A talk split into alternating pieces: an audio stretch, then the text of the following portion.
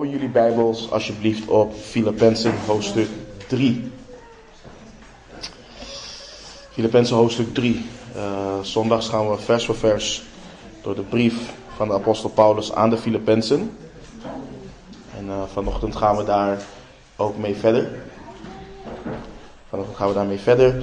Uh, we lezen vers 17 tot het einde van het hoofdstuk en vers 1 van hoofdstuk 4.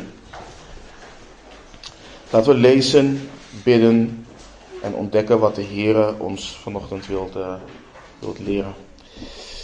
Paulus schrijft onder leiding van de Heilige Geest: Wees met elkaar mijn navolgers, broeders, en houd het oog gericht op hen die zo wandelen, zoals u ons tot een voorbeeld hebt.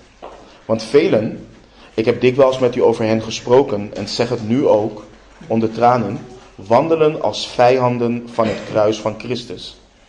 Hun einde is het verderf, hun God is de buik en hun eer is in hun schande.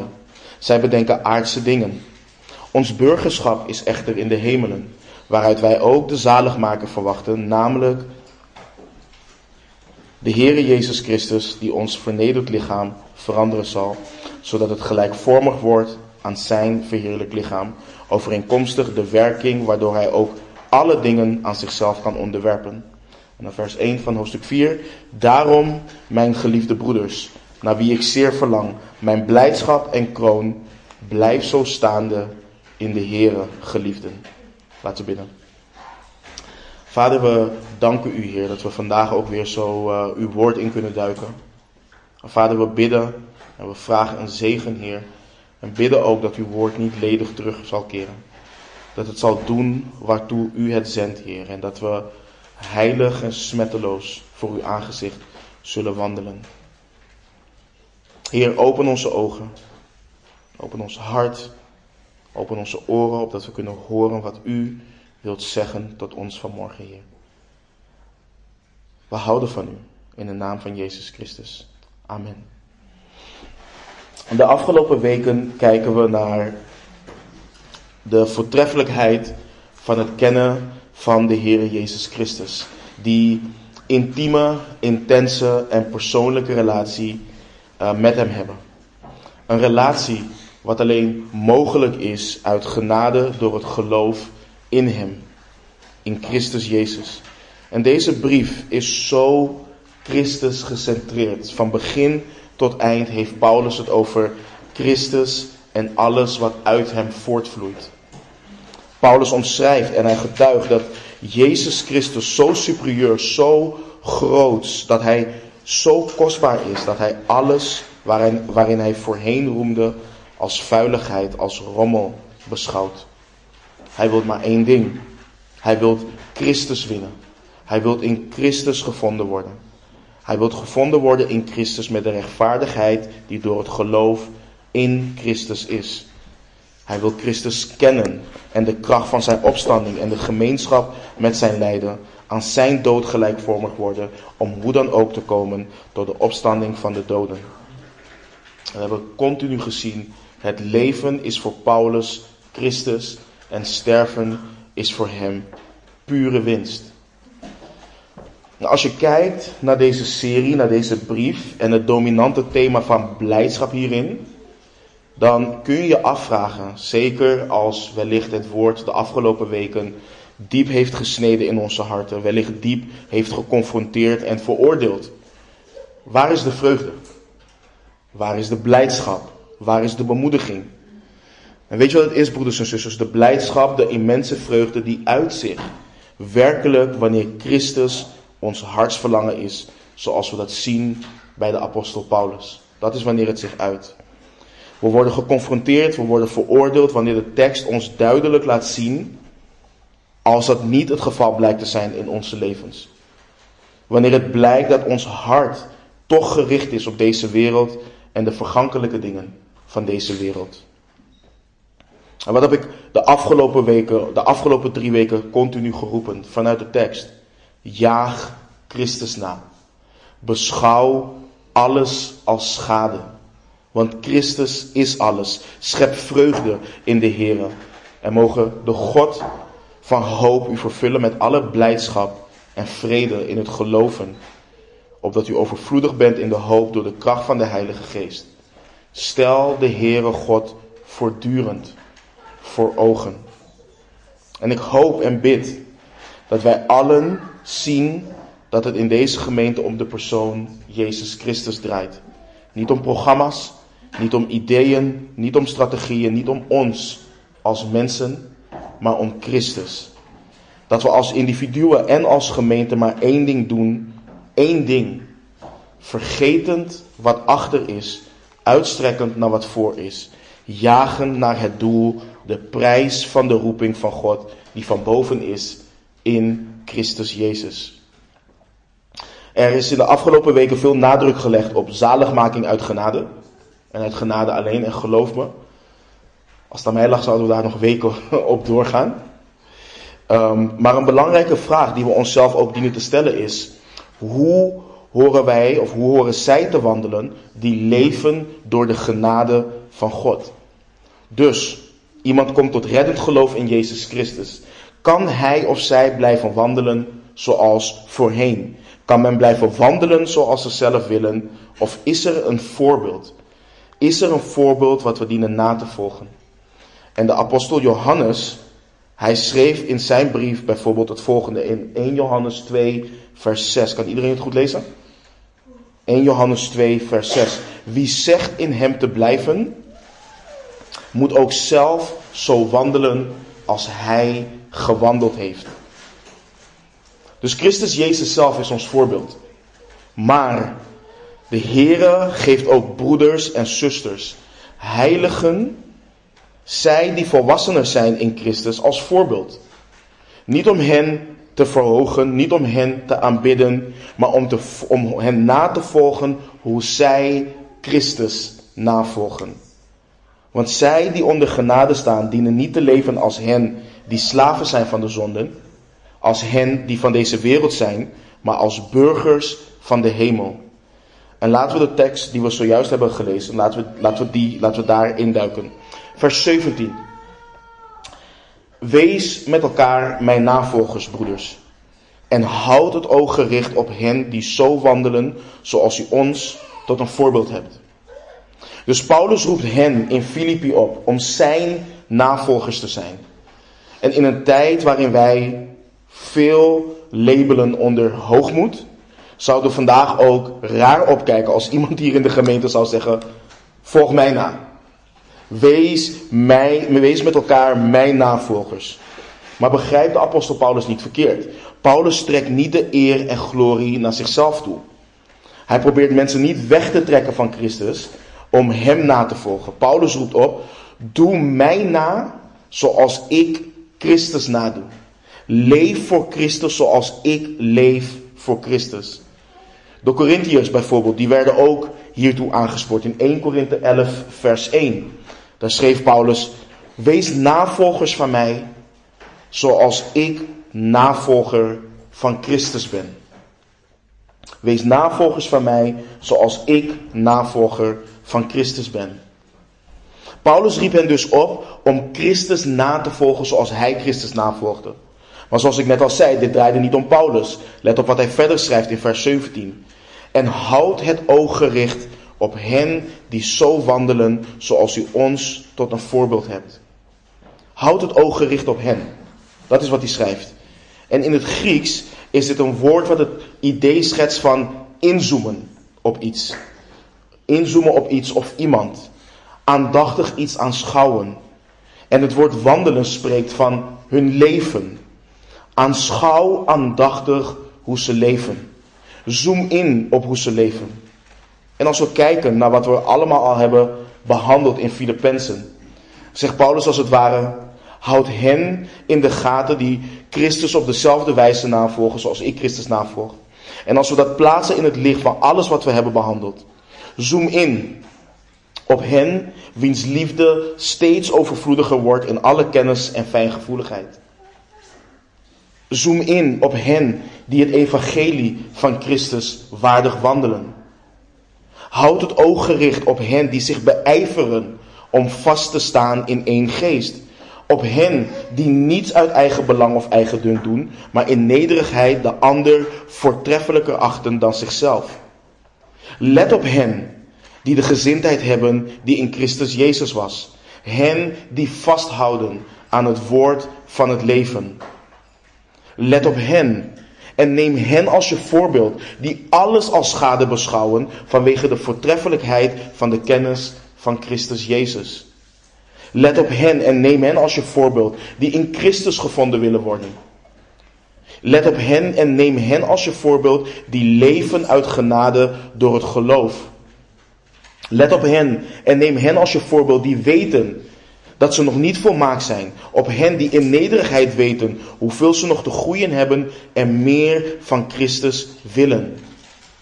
Let op hen en neem hen als je voorbeeld die maar één ding doen. Op hen die jagen naar het doel, de prijs van de roeping van God die van boven is in Christus Jezus. Let op hen. Let op hen in de gemeente, volg hun voorbeeld na. En het is in de kerk van de Heer Jezus Christus zo nodig dat er goddelijke voorbeelden zijn die de rest van de heiligen helpen en aansporen om te wandelen in en door de genade die zij ontvangen hebben. Dat het licht en de genade van Christus zichtbaar is in hun leven. En dat ze anderen aansporen, aansteken met de ijver, de goddelijke ijver, om Christus, koste wat het kost, na te volgen. En wat voor ons belangrijk is, vooral in deze tijd, is om in te zien dat de manier waarop individualisme domineert binnen de kerk tegen het woord van God ingaat. Het is mijn wandel. Het is tussen mij en God. Niemand heeft te kijken en niemand heeft te spreken in mijn leven. Dat hoor je vaak vandaag. En die gedachten en die uitspraken zijn niet in lijn met wat God in en door zijn woord leert. En begrijp me niet verkeerd. We hebben een persoonlijke relatie met onze Here en Zaligmaker. We hebben een persoonlijke relatie. Maar de gedachte dat onze persoonlijke wandel geen invloed heeft op de rest van de gemeente, dat is niet gegrond in het woord van God. Maar in de wereld en in ons, in ons vlees. Paulus leefde zijn leven in Christus als voorbeeld voor anderen tot eer en glorie van God. Johannes, Petrus, Judas, Jacobus, Philippus, Timotheus, Epaphroditus, die deden dat ook. En ook wij dienen dat te doen. Wij dienen voorbeelden te zijn voor elkaar in het leven van een Christus verheerlijkend leven. Een heilig, smetteloos en God-erend leven. De schrift zit vol met deze oproepen. Als eerste wend ik me tot de ouderlingen. Let op, waartoe God door zijn woord toe oproept. 1 Timotheus 4, vers 12. Laat niemand u minachten vanwege uw jeugdige leeftijd. Maar wees een voorbeeld voor de gelovigen in woord, in wandel, in liefde, in geest, in geloof en in reinheid. Wees een voorbeeld voor de gelovigen. In Titus 2, vers 7 en 8 schrijft de apostel Paulus: Betoon uzelf in alles een voorbeeld van goede werken. Betoon in het onderwijs zuiverheid, waardigheid, oprechtheid en spreken gezond woord boven alle kritiek verheven, zodat de tegenstander beschaamd zal staan en niets kwaads van u te zeggen heeft. Titus 2, vers 7 en 8. In 1 Petrus 5, vers 2 en 3. Hoed de kudde van God, die bij u is, en houd daar toezicht op. Niet gedwongen, maar vrijwillig. Niet uit winstbejag, maar bereidwillig. Ook niet als mensen die heerschappij voeren over het erfdeel van de Heer, maar als mensen die voorbeelden voor de kudde geworden zijn.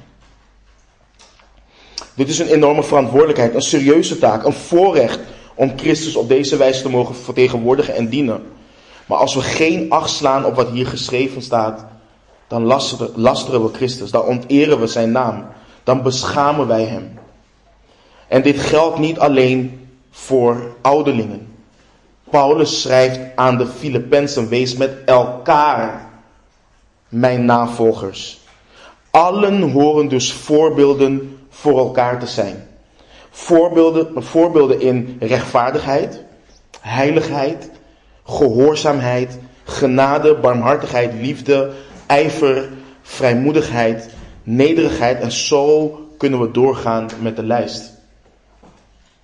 En dit is iets waar we in en naar groeien om meer op Christus te lijken, maar weet dat iedere gemeente waar Christus het hoofd is, je broeders en zusters hebt die geestelijk volwassener zijn en het is goed, belangrijk om hun voorbeeld na te volgen in het navolgen en najagen van Christus Jezus. En daarom, broeders en zusters, wees waakzaam. Wees waakzaam bijvoorbeeld naar wie je luistert en wie je navolgt. Het internet heeft het mogelijk gemaakt dat we met één klik miljoenen preken en bijbelstudies tot onze beschikking hebben. Maar vaak weten we niet hoe die persoon leeft. En het is, het is makkelijk om goede dingen te zeggen, maar het gaat echter niet alleen om wat we zeggen, maar juist om hoe we wandelen. Paulus schrijft, houd het oog gericht op hen die zo wandelen. Op hen die zo leven. En waarom? Waarom geeft Paulus deze serieuze en belangrijke aansporing? Omdat we lezen in vers 18 en 19. Namelijk dat er ook mensen zijn in de gemeente die wandelen als vijanden van het kruis van Christus. Laten we vers 18 en 19 lezen. Want velen, ik heb dikwijls met u over hen gesproken en zeg het nu ook onder tranen, wandelen als vijanden van het, van het kruis van Christus. Hun einde is het verderf, hun God is de buik en hun eer is in hun schande. Zij bedenken aardse dingen. Mij valt gelijk iets op. Paulus schrijft: Ik heb dikwijls met u. Dit is iets waar Paulus hen meerdere malen op heeft gewezen. Paulus schrijft: Ik heb jullie dit vaker gezegd. Ik heb jullie dit al laten weten. Maar ik zeg het jullie weer en ik zeg het nu onder tranen. Velen wandelen als vijanden van het kruis van Christus. En broeders en zusters, ik moet hierover uitweiden. Kijk, een paar weken geleden had ik een mededeling na de dienst. En ik begon de mededeling dat wij als kerk geloven in de inspiratie, de toereikendheid en de autoriteit van de schrift. Van Gods woord.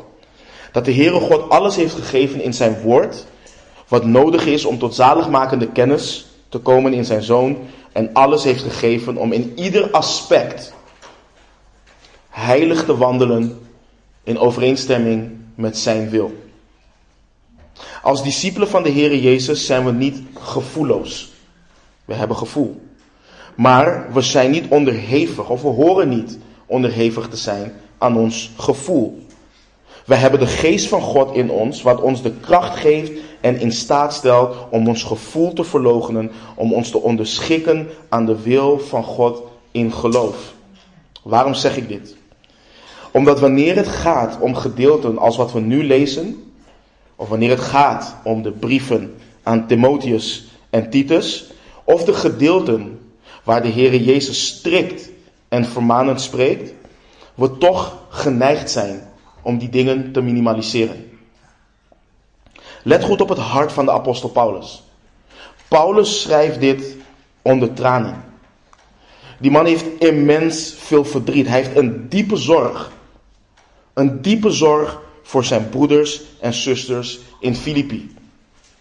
En hij herhaalt, hij herhaalt meerdere malen wat hij, zoals we kunnen lezen, al heeft gezegd.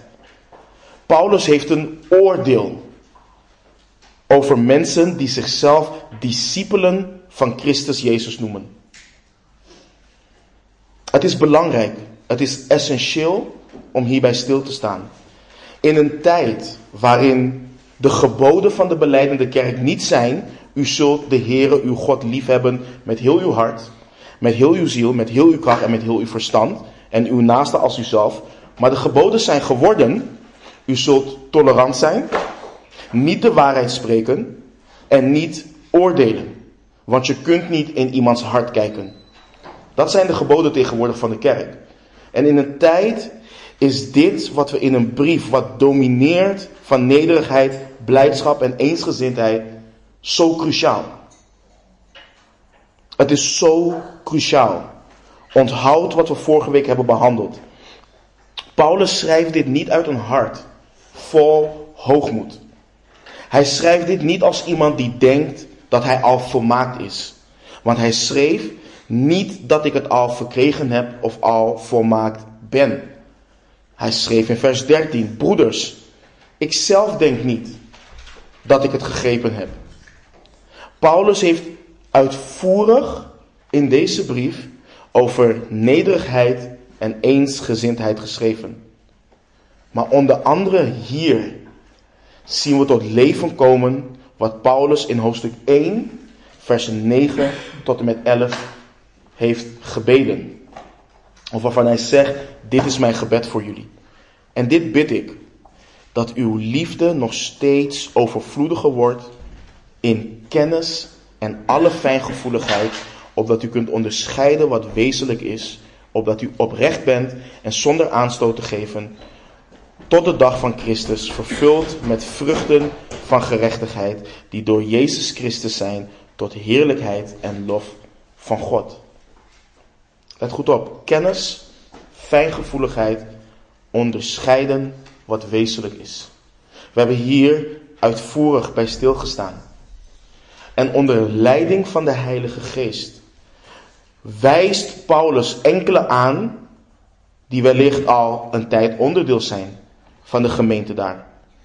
Onder leiding van de Heilige Geest wijst Paulus ongetwijfeld hen aan die sommige hele fijne broeders en zusters vinden. Maar dit gaat niet om wat wij vinden. Want dit gaat niet om ons. Paulus schrijft namelijk niet, en dit is zo belangrijk om te, om te erkennen. Hij schrijft niet, deze mensen doen niet wat ik wil.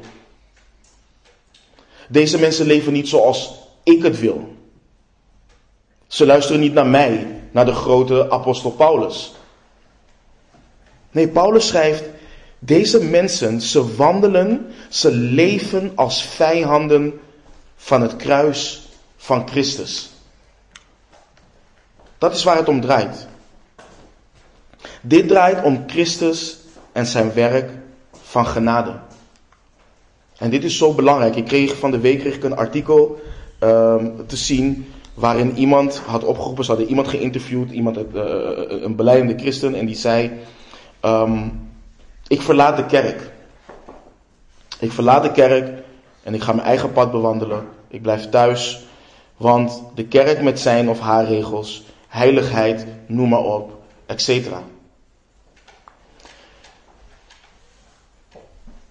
En wat we dienen te beseffen is, nogmaals, dit gaat niet om wat wij fijn vinden. Dit draait om Christus en zijn kruis. Daar draait dit om. En deze mensen lasteren dat werk met hun levenswandel. Ze leven als mensen die nooit, maar dan ook nooit getransformeerd zijn door het werk van Christus aan het kruis. En let nog een keer op, broeders en zusters. Let op hoe Paulus dit schrijft. Onder tranen. Dit gaat hem aan het hart. Hij schrijft niet verteerd door woede. Hij is niet wraakzuchtig. Hij is verdrietig. Hij is verdrietig, want broeders en zusters, er is niets triesters. Niets triester als iemand die claimt een christen te zijn Iemand die claimt een discipel te zijn van Jezus. Iemand die beweert getransformeerd te zijn door het werk van Christus aan het kruis, maar nog steeds leeft als iemand van de wereld. Als iemand die nog steeds een slaaf is van zijn of haar vlees en de zonde. Wat een schande. En wat een tragedie. Wat een aanval op het werk van Christus. Iemand die zo leeft, berooft het, kracht, het, kruis van, van, van kracht. Of beter anders gezegd, want het kruis kan niet in werkelijkheid beroofd worden van kracht. Iemand die zo leeft, creëert de perceptie dat het, dat het kruis geen kracht heeft. Terwijl Paulus het volgende schreef in Romeinen 1, vers 16. Want ik schaam mij niet voor het evangelie van Christus. Want het is een kracht van God tot zaligheid voor ieder die gelooft. Eerst voor de Jood en ook voor de Griek. Hij schreef aan de Corinthiërs in 1 Korinthe 1 vers 18. Want het woord van het kruis is voor hen die verloren gaan wel dwaasheid. Maar voor ons die behouden worden, is het een kracht van God. Paulus twijfelt niet aan het werk van het kruis. Bij Paulus is het simpelweg als volgt.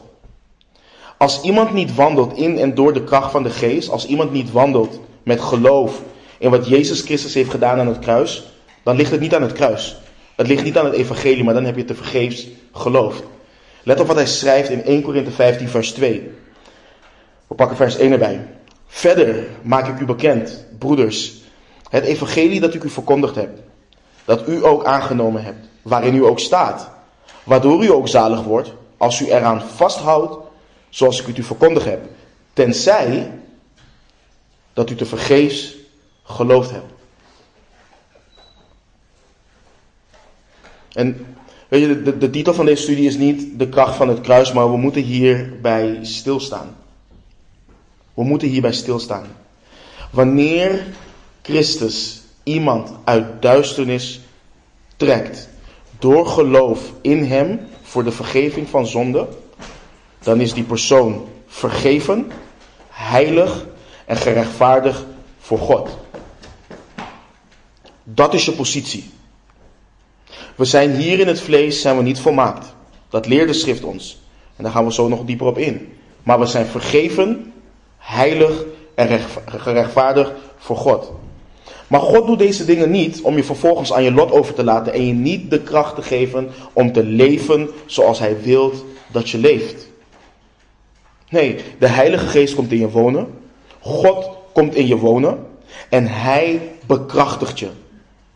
Hij geeft je nieuwe verlangens. Hij vormt je. Hij snoeit in je leven. Hij doet een levenslang werk dat je van moment tot moment wordt veranderd naar het evenbeeld van zijn zoon. Om als zijn beelddrager hem te verheerlijken hier op aarde. Dat is wat hij doet. Eerst was je een slaaf van de zonde. Je deed wat je begeerte maar wilde. Je kon niets anders, want de zonde was jouw meester. Maar nu niet meer. Christus is nu jouw Heer. Die goede en ontzagwekkende Heer. En doordat de geest van God in je woont, ben je niet meer onderhevig aan de verlangens van je vlees. Dus, lust komt en speelt op. Je kunt het kruisigen door je te onderschikken aan de wil van de geest. Hoogmoed speelt op. Je kunt het kruisigen door je te onderschikken aan de wil van de geest. Hebzucht speelt op. Je kunt het kruisigen door je te onderschikken aan de wil van de geest. De drang om te roddelen, om te stelen. Gevoelens van haat, boosheid, afgunst, luiheid, egoïsme, jaloers, dus jaloezie en andere goddeloze gedachten en verlangens. Je kunt het kruisigen door je te onderschikken aan de wil van de geest. Dat is de kracht. De kracht van God in het leven van iedere discipel van Jezus Christus. Ik herhaal, dat is de kracht van God in het leven van iedere wedergeboren discipel van Jezus Christus. Maar wat is hiervoor nodig? Zelfverloochening. Heren, niet mijn wil geschieden, maar het uwe. Zelfverloochening. Ik leef niet meer voor mijn eigen plezier en eer, maar voor de eer en glorie van Christus, mijn God, mijn zaligmaker. Zal een broeder of zuster, geboren uit water en geest, vervuld met de geest van God, zal die worstelen? Absoluut. Absoluut. Zal die verleidingen hebben? Absoluut. Galaten 5, vers 17 leert ons, want het vlees begeert tegen de geest in en de geest tegen het vlees in en die staan tegenover elkaar, zodat u niet doet wat u zou willen. En deze strijd, het is heftig. Het is heftig. De worsteling is echt. Maar in het vers daarvoor schrijft de apostel Paulus in Galaten 5:16, maar ik zeg, wandel door de geest en u zult zeker de begeerte van het vlees niet volbrengen. De apostel Petrus roept op in 1 Petrus 2, vers 11: Geliefden, ik roep u op als bijwoners en vreemdelingen u te onthouden van de vleeselijke begeerten die strijd voeren tegen de ziel. We voeren een enorme strijd. Maar in de geest, door ons te onderschikken aan de geest, en dat houdt het volgende in. Door ons te onderwerpen en luisteren naar wat de geest zegt, dan zullen we deze strijd als overwinnaars in Christus voeren. Waarom? Want in Galaten 5:24 staat: Maar wie van Christus zijn, hebben het vlees met zijn hartstochten en begeerten gekruisigd. En niet alleen dat, ze blijven het vlees met zijn hartstochten en begeerten kruisigen. Ze blijven dat doen. Wij, discipelen van Jezus Christus, horen bewuste mensen te zijn. Wij horen nuchter te zijn en waakzaam in onze gedachten. En ik bedoel niet um, in de vorm om in angst te leven, maar bewust te zijn wat er in en om ons heen gebeurt. En dat continu blijven toetsen aan wat God met, van en voor ons wilt. Heb ik een onreine gedachte en kun, kunnen die leiden tot het toegeven aan lust, hebzucht, hoogmoed of wat dan ook? Ik ga in gebed en vraag de Heere om mijn gedachten te zuiveren. Ik duik het woord van God in en vul mijn gedachten met het woord van God. Ik ga naar mijn broeders en zusters toe en luister en handel naar het goddelijk advies wat ze me geven. Dat is de mogelijkheid die wedergeboren discipelen hebben en dat is de verantwoordelijkheid die zij hebben. Maar vijanden van het kruis, die doen dit niet. Nee, die hebben excuses. Die blijven leven zoals ze het willen. Maar noemen zichzelf vrienden van God. Ze doen een beroep op zijn genade. Ze doen een beroep op zijn barmhartigheid, op zijn vergevingsgezindheid en beleiden dat hij liefde is. Ze beleiden dat hij goed is, maar vergeten. Ze vergeten dat de goede tierenheid van God tot bekering leidt. Ze veranderen de genade van God in losbandigheid. En Paulus schrijft in Titus ook over vijanden van het kruis. Let op wat hij schrijft in Titus 1, vers 16. Zij beleiden dat zij God kennen, maar zij verloochenen hem met hun werken. Aangezien zij verfoeilijk zijn en ongehoorzaam en tot elk goed werk ongeschikt. Dus wat doen ze met hun werken? Weigeren ze geïdentificeerd te worden met Christus.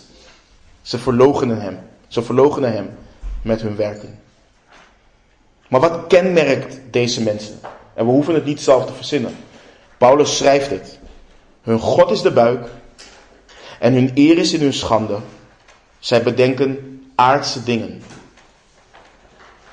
Wat bedoelt Paulus met hun God is de buik?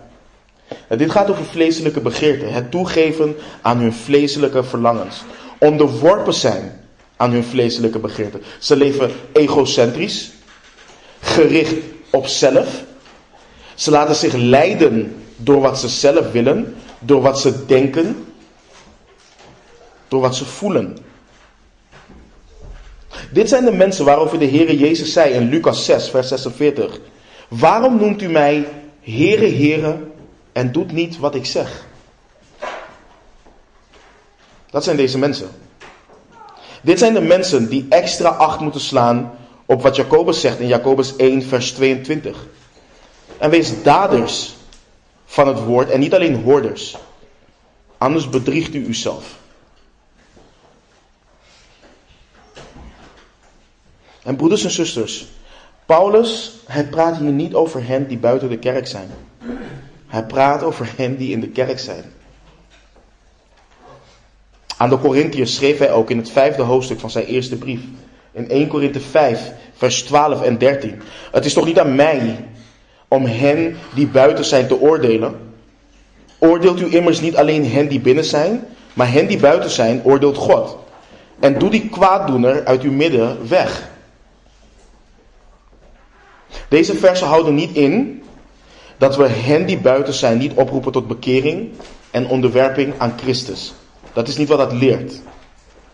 Maar wat het wel leert is dat onze focus als het gaat om levenswandel hen zijn die zeggen binnen te zijn. Hen die beleiden discipelen te zijn. Bijvoorbeeld aan Titus roept Paulus niet op dat alle jonge vrouwen in de wereld, dus ook zij die Christus niet kennen, verstandig moeten zijn, hun man dienen lief te hebben, hun kinderen dienen lief te hebben, bezonnen te zijn, kuis te zijn, te zorgen voor hun huishouden, goed te zijn, hun eigen mannen onderdanig te zijn. Nee, hij doet dat aan hen in de kerk. Waarom? Omdat als zij dat niet doen, dat, dan lasteren zij het woord van God.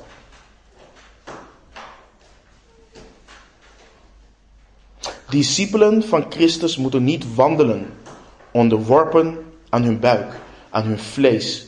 Want dat is niet hun God. Hun God is hun zaligmaker, Christus Jezus. Hij die hen heeft vrijgekocht van hun zinloze levenswandel door te sterven aan het kruis en na drie dagen opgewekt te worden.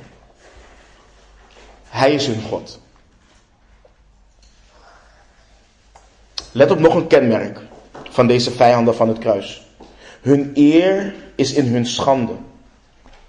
Eer is een ander woord voor roemen of prijzen. Ze roemen in de dingen die zij doen. Ze prijzen de dingen die ze doen. Ze vinden het geweldig. Ze schamen zich er niet voor. Ze zijn ervan overtuigd dat wat ze doen goed is. Dat het God verheerlijkt. Dat het Christus groot maakt. En je ziet dit overigens niet alleen bij hen die losbandig zijn. Je ziet het ook bij hen die roemen in hun religieuze daden. Dit werkt beide extreme kanten op.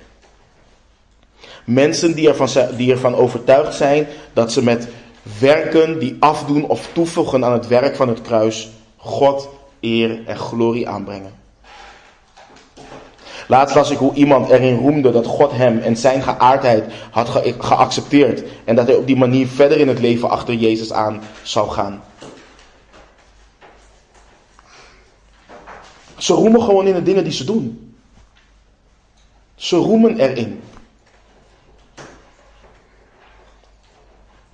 Mensen die last hebben van woedeuitbarstingen, die, die dat scharen onder vurigheid en ijver voor Jezus Christus. Mensen die losbandigheid uh, scharen onder vrijheid in Christus. Mensen die onwetendheid en een gebrek aan bijbelse kennis scharen onder liefde en tolerantie in de naam van Jezus Christus. Nee, wij zijn geen fariseërs. Wij hebben iedereen lief. En ze roemen erin. Ze hebben eer in die dingen. En Paulus schrijft ook over hen dat ze aardse dingen bedenken. Paulus schrijft in het Grieks, hun denken, hun gedachten zijn gericht op aardse dingen. Het is gefixeerd op aardse dingen. Alles wat ze doen is gericht op het hier en nu. Iedere keuze die ze maken is gericht op het hier en nu. Ze denken niet aan de eeuwigheid.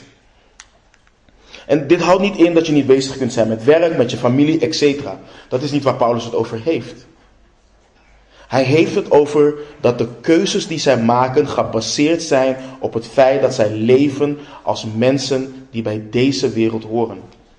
Die van deze wereld zijn. Deze wereld is tijdelijk. En het genot wat deze wereld te bieden heeft, is tijdelijk. Maar daar nemen deze vijanden van het kruis genoegen mee. Want ze zijn niet van Christus. En let op hun einde. Paulus schrijft aan het begin van deze vijanden van het kruis. Hun einde is het verderf. Ze zullen eeuwig verloren gaan. Ze zullen het koninkrijk van God niet binnengaan. Want het zijn afgodendienaars.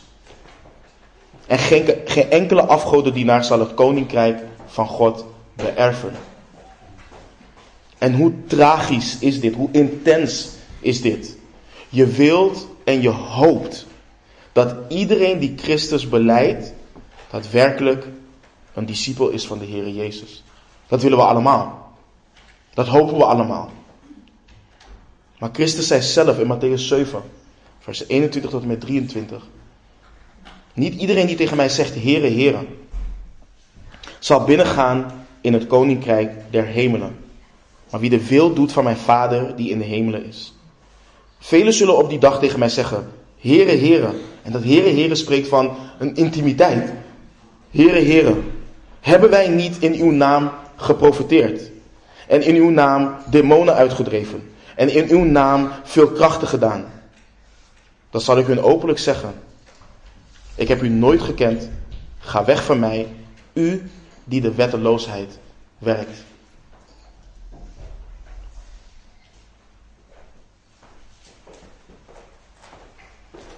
Het is zo tragisch om te horen wanneer je mensen tot be bekering oproept. Dat ze dan zeggen, wie ben jij om mij te oordelen? Er staat oordeel niet opdat u niet geoordeeld wordt. Maar deze versen van de Heer Jezus, die, die, die zijn blijkbaar niet in de Bijbel. Hun einde zal zijn als de vijf dwaze meiden die kloppen op de deur en zeggen: Heer, Heer, doe ons open. En waarop hij zal zeggen: Voorwaar, ik zeg u, ik ken u niet. Ik ken u niet. Hun einde zal, is als de dwaze bouwer die zijn huis bouwde op aarde zonder fundament. Hij zal tegen hen zeggen wanneer ze kloppen op de deur: Ik weet niet waar u vandaan komt. Ga weg van mij, allen die de ongerechtigheid bedrijven.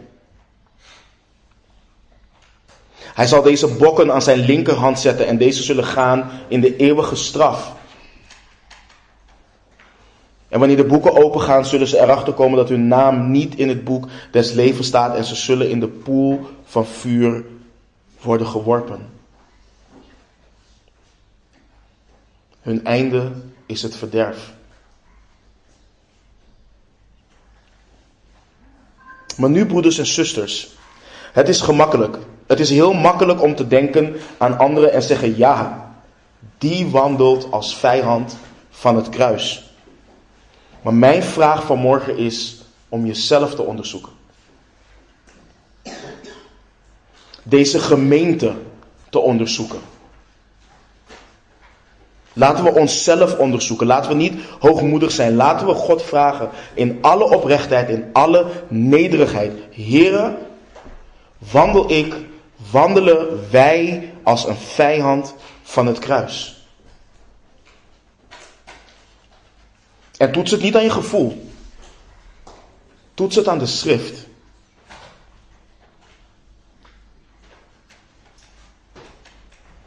Dit zijn intense woorden van de apostel Paulus die nodig zijn in deze tijd van onwetendheid waarin we leven. Laten wij als gemeente ons niet laten misleiden. Laten we niet kijken naar wat wij belangrijk vinden en willen in een broeder of zuster. Maar laten we kijken naar wat God heeft gezegd en de voorbeelden die Hij heeft gegeven. Want let op het grote contrast. Ik gaf eerder al aan, in de context van wat er geschreven is, wie we moeten navolgen in het navolgen van Christus. Maar let op hoe Paulus de vrienden van het kruis, als het ware, omschrijft ten opzichte van de vijanden van het kruis. Vers 21, um, ehm, vers 20 tot en met um, Vers 20 en 21, sorry. Ons burgerschap is echter in de hemelen, waaruit wij ook de zaligmaker verwachten, namelijk de Heere Jezus Christus, die ons vernederd lichaam veranderen zal, zodat het gelijkvormig wordt aan zijn verheerlijk lichaam, overeenkomstig de werking waardoor hij ook alle dingen aan zichzelf kan onderwerpen. In tegenstelling tot hen die aardse dingen bedenken, laat Paulus weten. Even iets controleren of ik een. Uh,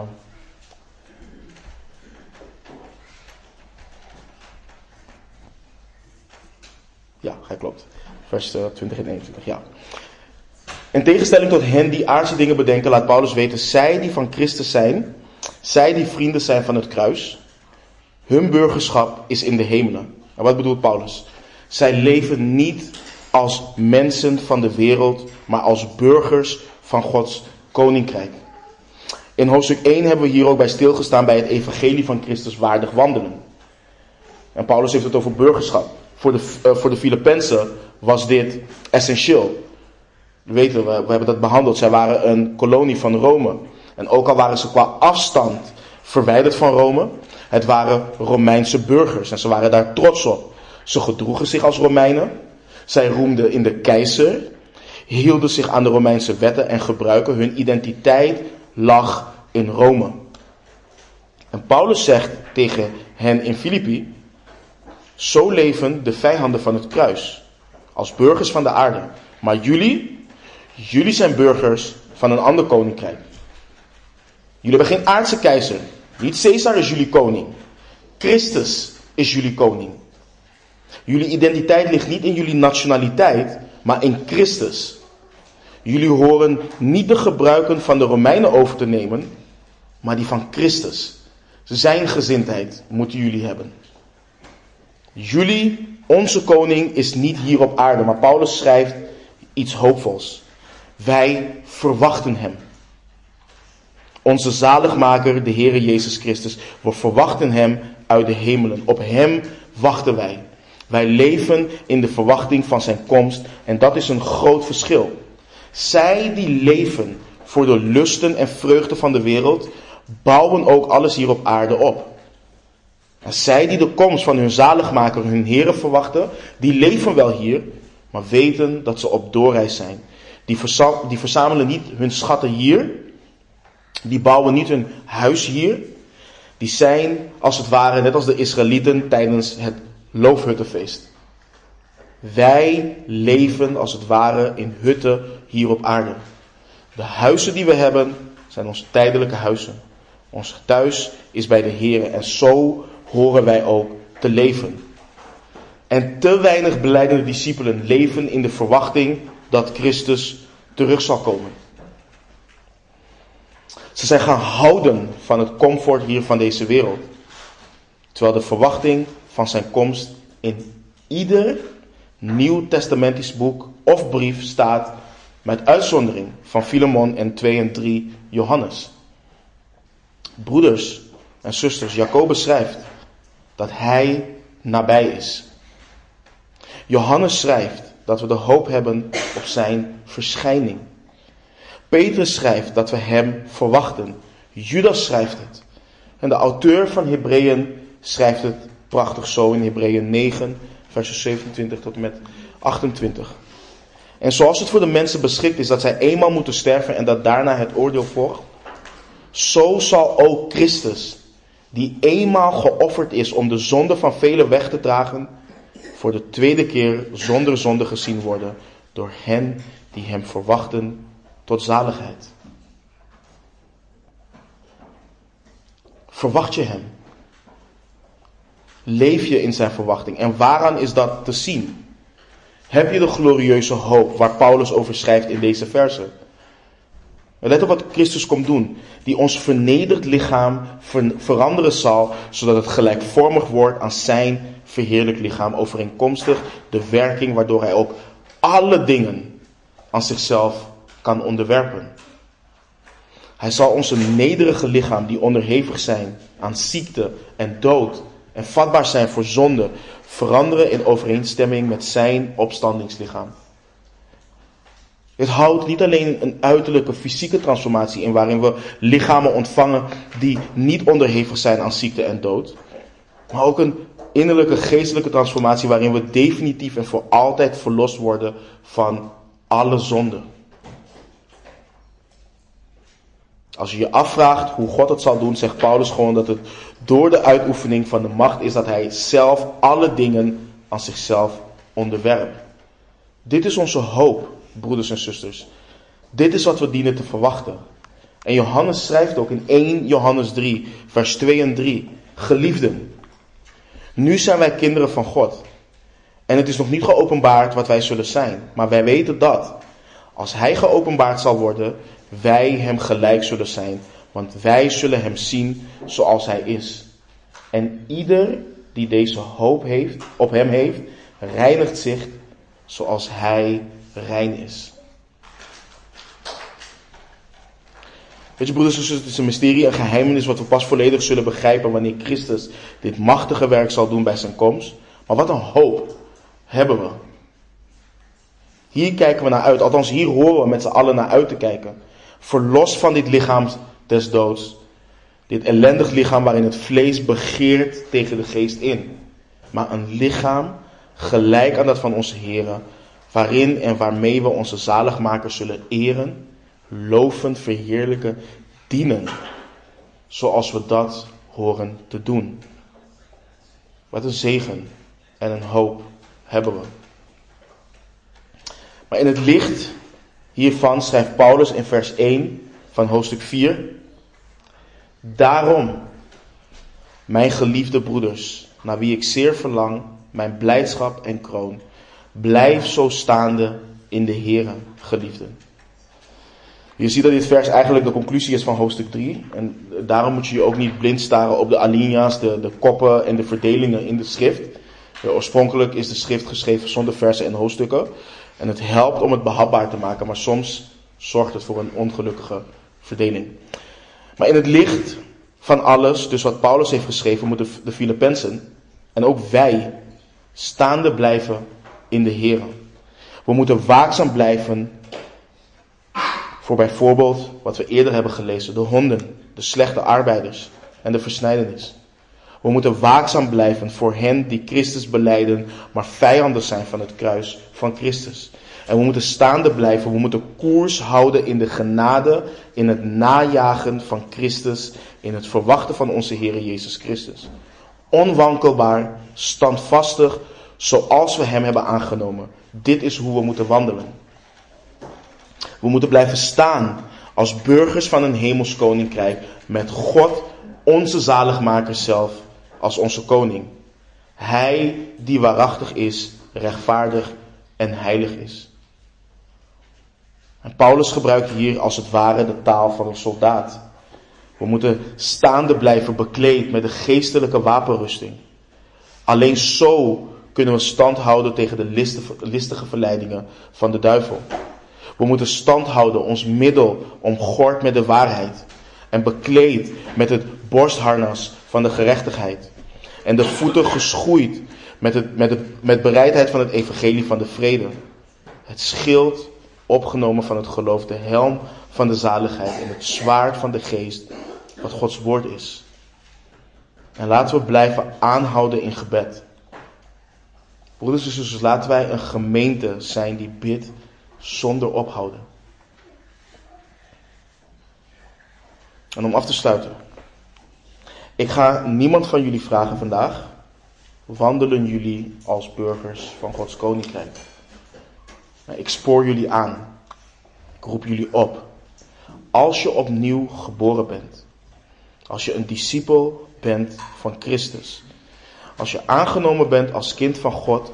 Wandel als een burger van Gods koninkrijk. Heb de wereld niet lief en ook niet wat in de wereld is.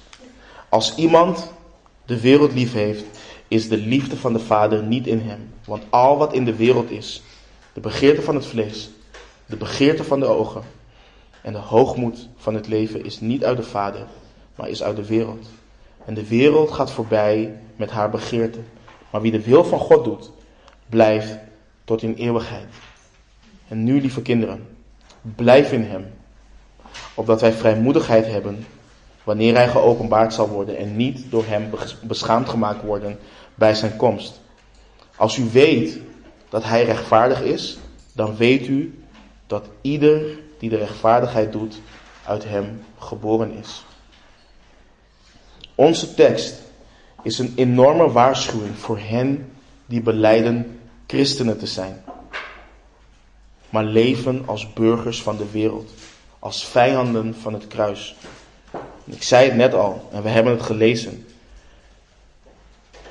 Maar mijn hart doet pijn om te denken en te weten dat er beleidende discipelen zijn. Ze dienen, ze doen van alles en zeggen dat ze onderdeel zijn van de kerk, maar zullen horen dat Christus hen niet kent. Werp je op God en zijn genade en bekeer je van je wegen als dit jouw hart heeft veroordeeld vandaag. Amen. Laten we bidden. Vader, uw woord, Heer, is zo duidelijk. Uw woord is zo recht, Heer.